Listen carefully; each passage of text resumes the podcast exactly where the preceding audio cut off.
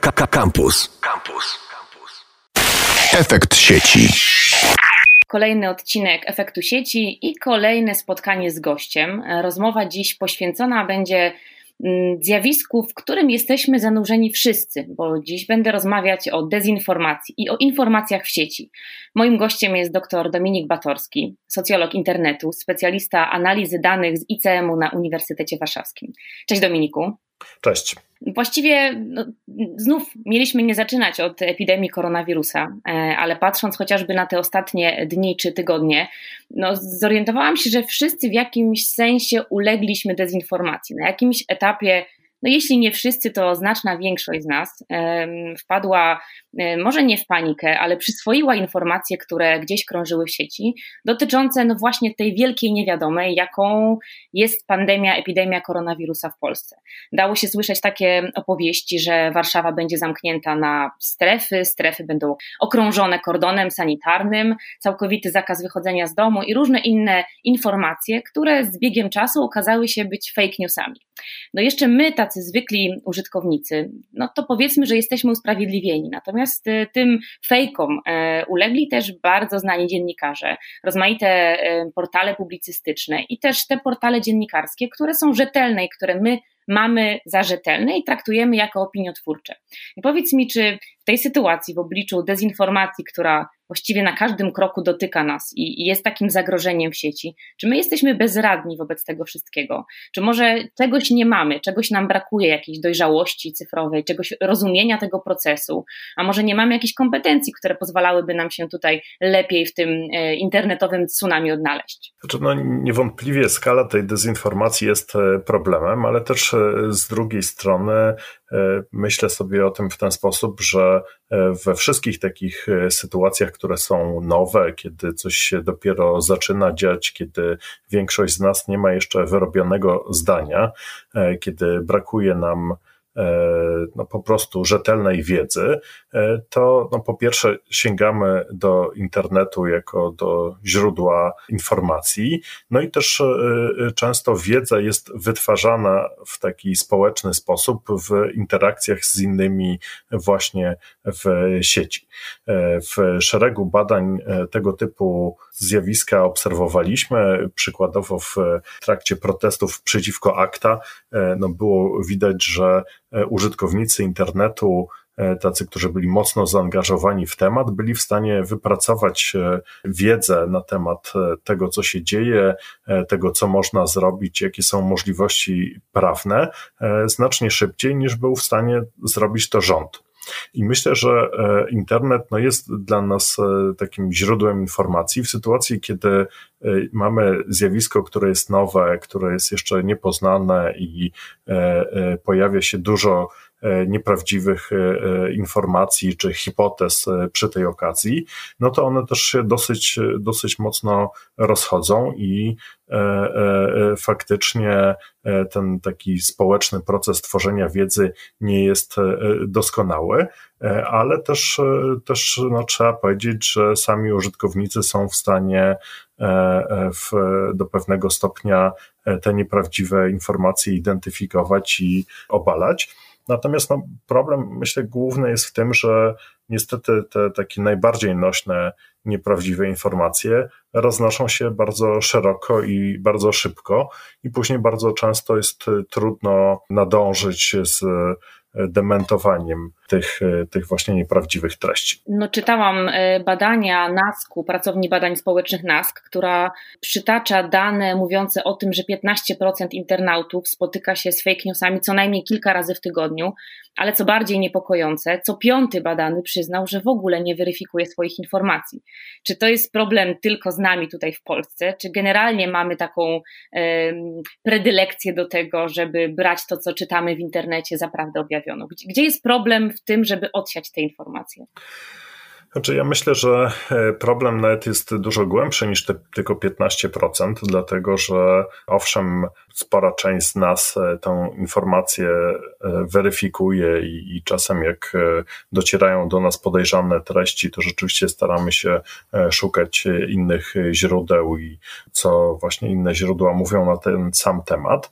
Natomiast zasadniczy problem w walce z dezinformacją polega na tym, że no, są informacje, które są nieprawdziwe, ale dobrze trafiają w nasze poglądy, w nasze przekonania, e, i wtedy ta nasza skłonność do weryfikacji jest znacznie mniejsza. Tak znacznie chętniej się e, takimi informacjami dzielimy. Okej, okay, czyli nie tyle problem e, z tym, że te informacje są same w sobie nieprawdziwe, e, co raczej z tym, że są tak przygotowane i tak skrojone, że odpowiadają naszym oczekiwaniom, można powiedzieć, i temu, co my byśmy chcieli tam przeczytać. Czyli może nie tyle rozmawiamy o nieprawdzie w internecie, co o takim kreowaniu rzeczywistości na potrzeby użytkowników, która to rzeczywistość, jeśli sprosta ich oczekiwaniom, no to staje się tą rzeczywistością, rzeczywistością objawioną, e, jak powiedziałeś. Tu tutaj może jeszcze, jeszcze bym dopowiedział, że no właściwie jest kilka pewnie takich głównych moty motywacji też do tworzenia e, dezinformacji, tak? No bo warto zadać pytanie, no skąd w ogóle te nieprawdziwe informacje się biorą, tak? No czasem to jest kwestia tego, że po prostu ktoś czegoś nie doczyta i zaczyna upowszechniać e, e, informacje, której sam dobrze nie poznał i, i, i po prostu dochodzi do jakichś skrzywień. Czasem są to informacje, które są no, nieprawdziwe, ale są upowszechniane po to, żeby na nich dodatkowo zarobić tutaj motywacje są różne, tak? No, przykładowo część e, ruchów antyszczepionkowych no, za, zarabia na sprzedaży jakichś terapii, leków czy, czy innych rzeczy i tak naprawdę no, ta, ta działalność dezinformacyjna jest formą zarabiania.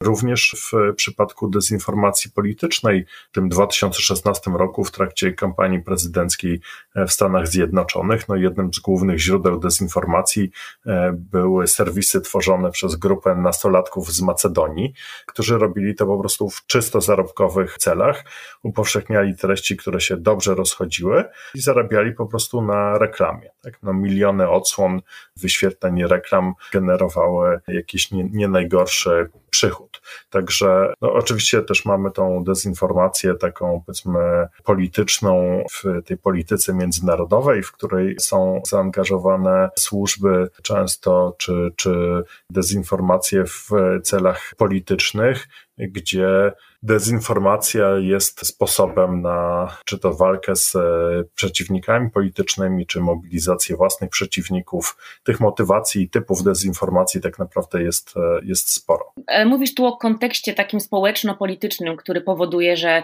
dezinformacja staje się jakimś narzędziem walki z kimś lub o coś lub przeciwko czemuś. No ale co doprowadziło w takiej sferze technologicznej do tego, że wiek, XXI wiek, nazywany wiekiem informacji z jednej strony, stał się właściwie wiekiem i erą ogromnej dezinformacji, co umożliwiło takie rozbuchanie się dezinformacji z punktu widzenia tych takich rozwiązań redakcyjnych, można powiedzieć, e, językiem kolokwialnym.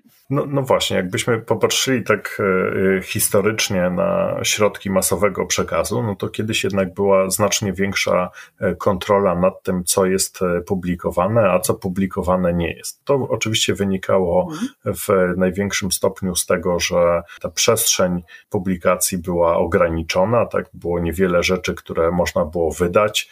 Gazety miały mniejszą objętość, było niewiele programów e, informacyjnych, telewizyjnych. No w tej chwili jest ich e, znacznie więcej.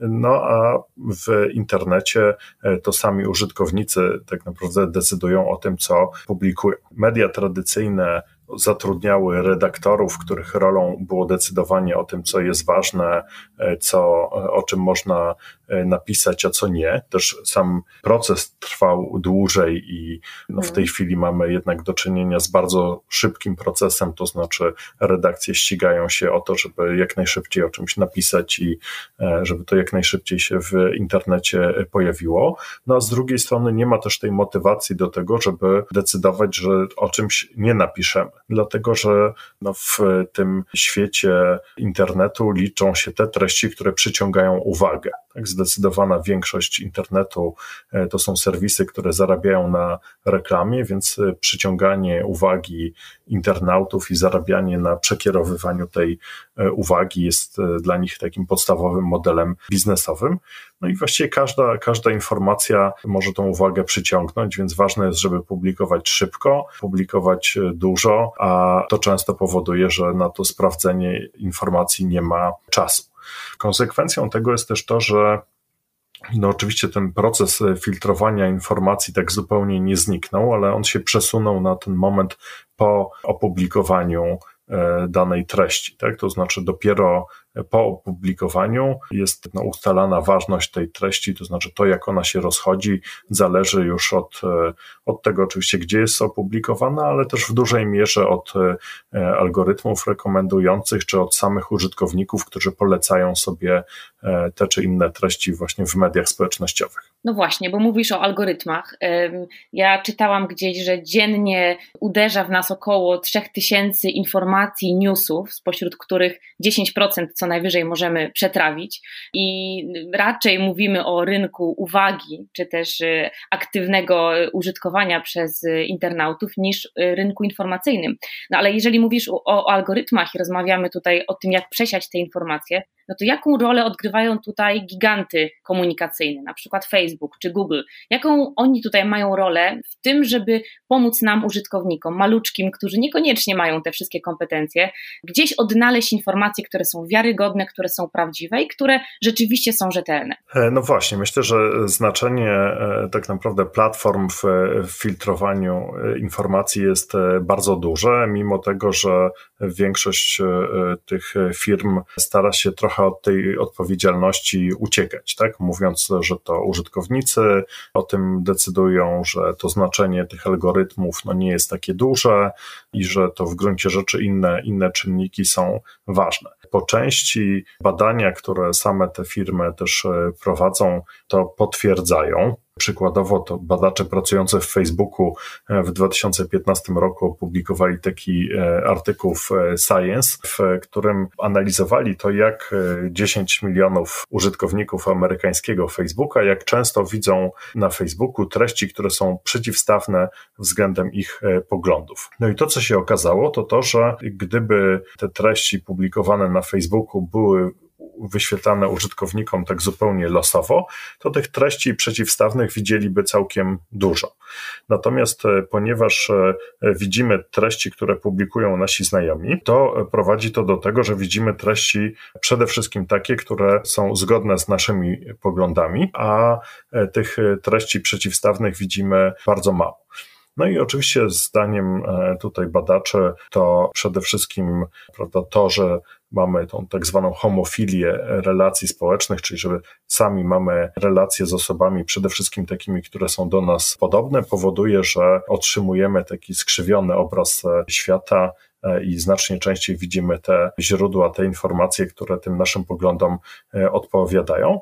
Aczkolwiek no, prawda jest też taka, że to samo badanie pokazało, że ten dodatkowy Dodatkowe znaczenie tego algorytmu Facebooka też jest e, pewne. Ono jeszcze trochę ten efekt pogłębia, ale cała architektura systemu i oparcie tego filtrowania o, o, o, znajomych no, powoduje, że rzeczywiście zamykamy się w takich bańkach informacyjnych. Panie doktorze, to pytanie o receptę na to, żeby wyjść z tych baniek informacyjnych, właściwie już na zakończenie. Gdzieś w którymś z wywiadów, które e, czytałam z Twoim udziałem, była informacja o diecie informacyjnej. Czy pan doktor Batorski przepisuje nam teraz dietę informacyjną jako pewne remedium na to, żeby wyjść z naszych baniek informacyjnych i czymże miałaby być ta dieta informacyjna? informacyjna, szczególnie w okresie kilkunastu dni po Wielkanocy. Brzmi to tym smaczniej i pewnie tym potrzebniej. Rzeczywiście ja e, bardzo to pojęcie diety informacyjnej lubię i e, no, wydaje mi się, że tak jak no, myślimy o tym, co jemy i, e, i zwracamy uwagę właśnie na to, z jakich składników robimy potrawy, czy, czy, czy po jakie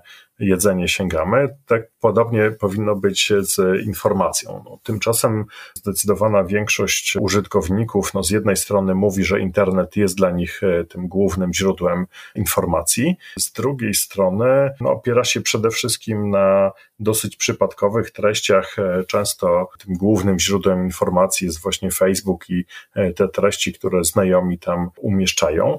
No i to nie jest najlepszy sposób na docieranie do rzeczy, które są faktycznie e, interesujące. Tak? Trzeba pamiętać, że jednak algorytmy, które decydują o tym właśnie, co nam pokazać, a co nie, optymalizują przede wszystkim to, żebyśmy my dużo czasu spędzali w tych serwisach. Myślę, że tutaj to szczególnie YouTube jest e, dobrym przykładem. Ma tak e, ustawione algorytmy wyszukiwania i algorytmy polecania kolejnych filmów, żeby wyświetlać nam rzeczy, które nas będą angażować i spowodują, że więcej czasu spędzimy w serwisie, ale niekoniecznie są najlepszą odpowiedzią na nasze potrzeby. Przykładowo, jak szukamy jakiejś informacji na YouTubie, jak coś zrobić, no to YouTube nam nie wyświetli filmiku, na którym ktoś w dwie minuty pokazuje, jak to zrobić, tylko wyświetli film, który ma 26 minut, w którym jest też to, czego szukamy, ale jest też mnóstwo innych rzeczy, właśnie po to, żebyśmy w tym serwisie spędzili więcej czasu.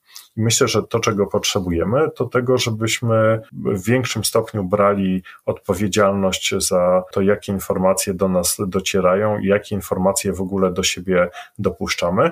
No ja powiem, że ja akurat korzystam z czytników RSS-ów, e, i to czytników, do których no z jednej strony dodaję wszystkie źródła, do których mam zaufanie, Mam tych źródeł około półtora tysiąca i dostaję pewnie kilkanaście tysięcy tekstów dziennie i później mam algorytmy, które mi te teksty sortują i wybierają te teksty, które powinienem przeczytać. Tak? Czyli można powiedzieć, że mam rozwiązanie, które dba o to, żebym ja był dobrze E, poinformowany. I myślę, że tego typu rozwiązania są przyszłością e, i, i, powinniśmy właśnie szukać e, rozwiązań, które będą dostarczały nam treści z wiarygodnych źródeł na tematy, które nas faktycznie interesują i mają dla nas faktycznie znaczenie. Czyli dieta informacyjna w skrócie to mniej informacji lub też bardziej wiarygodnych i przede wszystkim zdrowe podejście do tego, które z nich należy brać do siebie i które z nich należy traktować jako te, które rzeczywiście mówią nam o rzeczywistości i to nie tylko w ramach naszej bańki e, informacyjnej, w jakiej funkcjonujemy na mediach społecznościowych, ale też tej rzeczywistości, która dzieje się być może poza naszą bańką. Bardzo dziękuję za dzisiejszą rozmowę. Naszym gościem był dr Dominik Batorski. Serdeczne dzięki Dominiku. Bardzo dziękuję za zaproszenie. A my słyszymy się w kolejnym odcinku Efektu Sieci. Dziękuję i do usłyszenia. Efekt sieci. Akademickie Radio Campus 97 i 1 FM.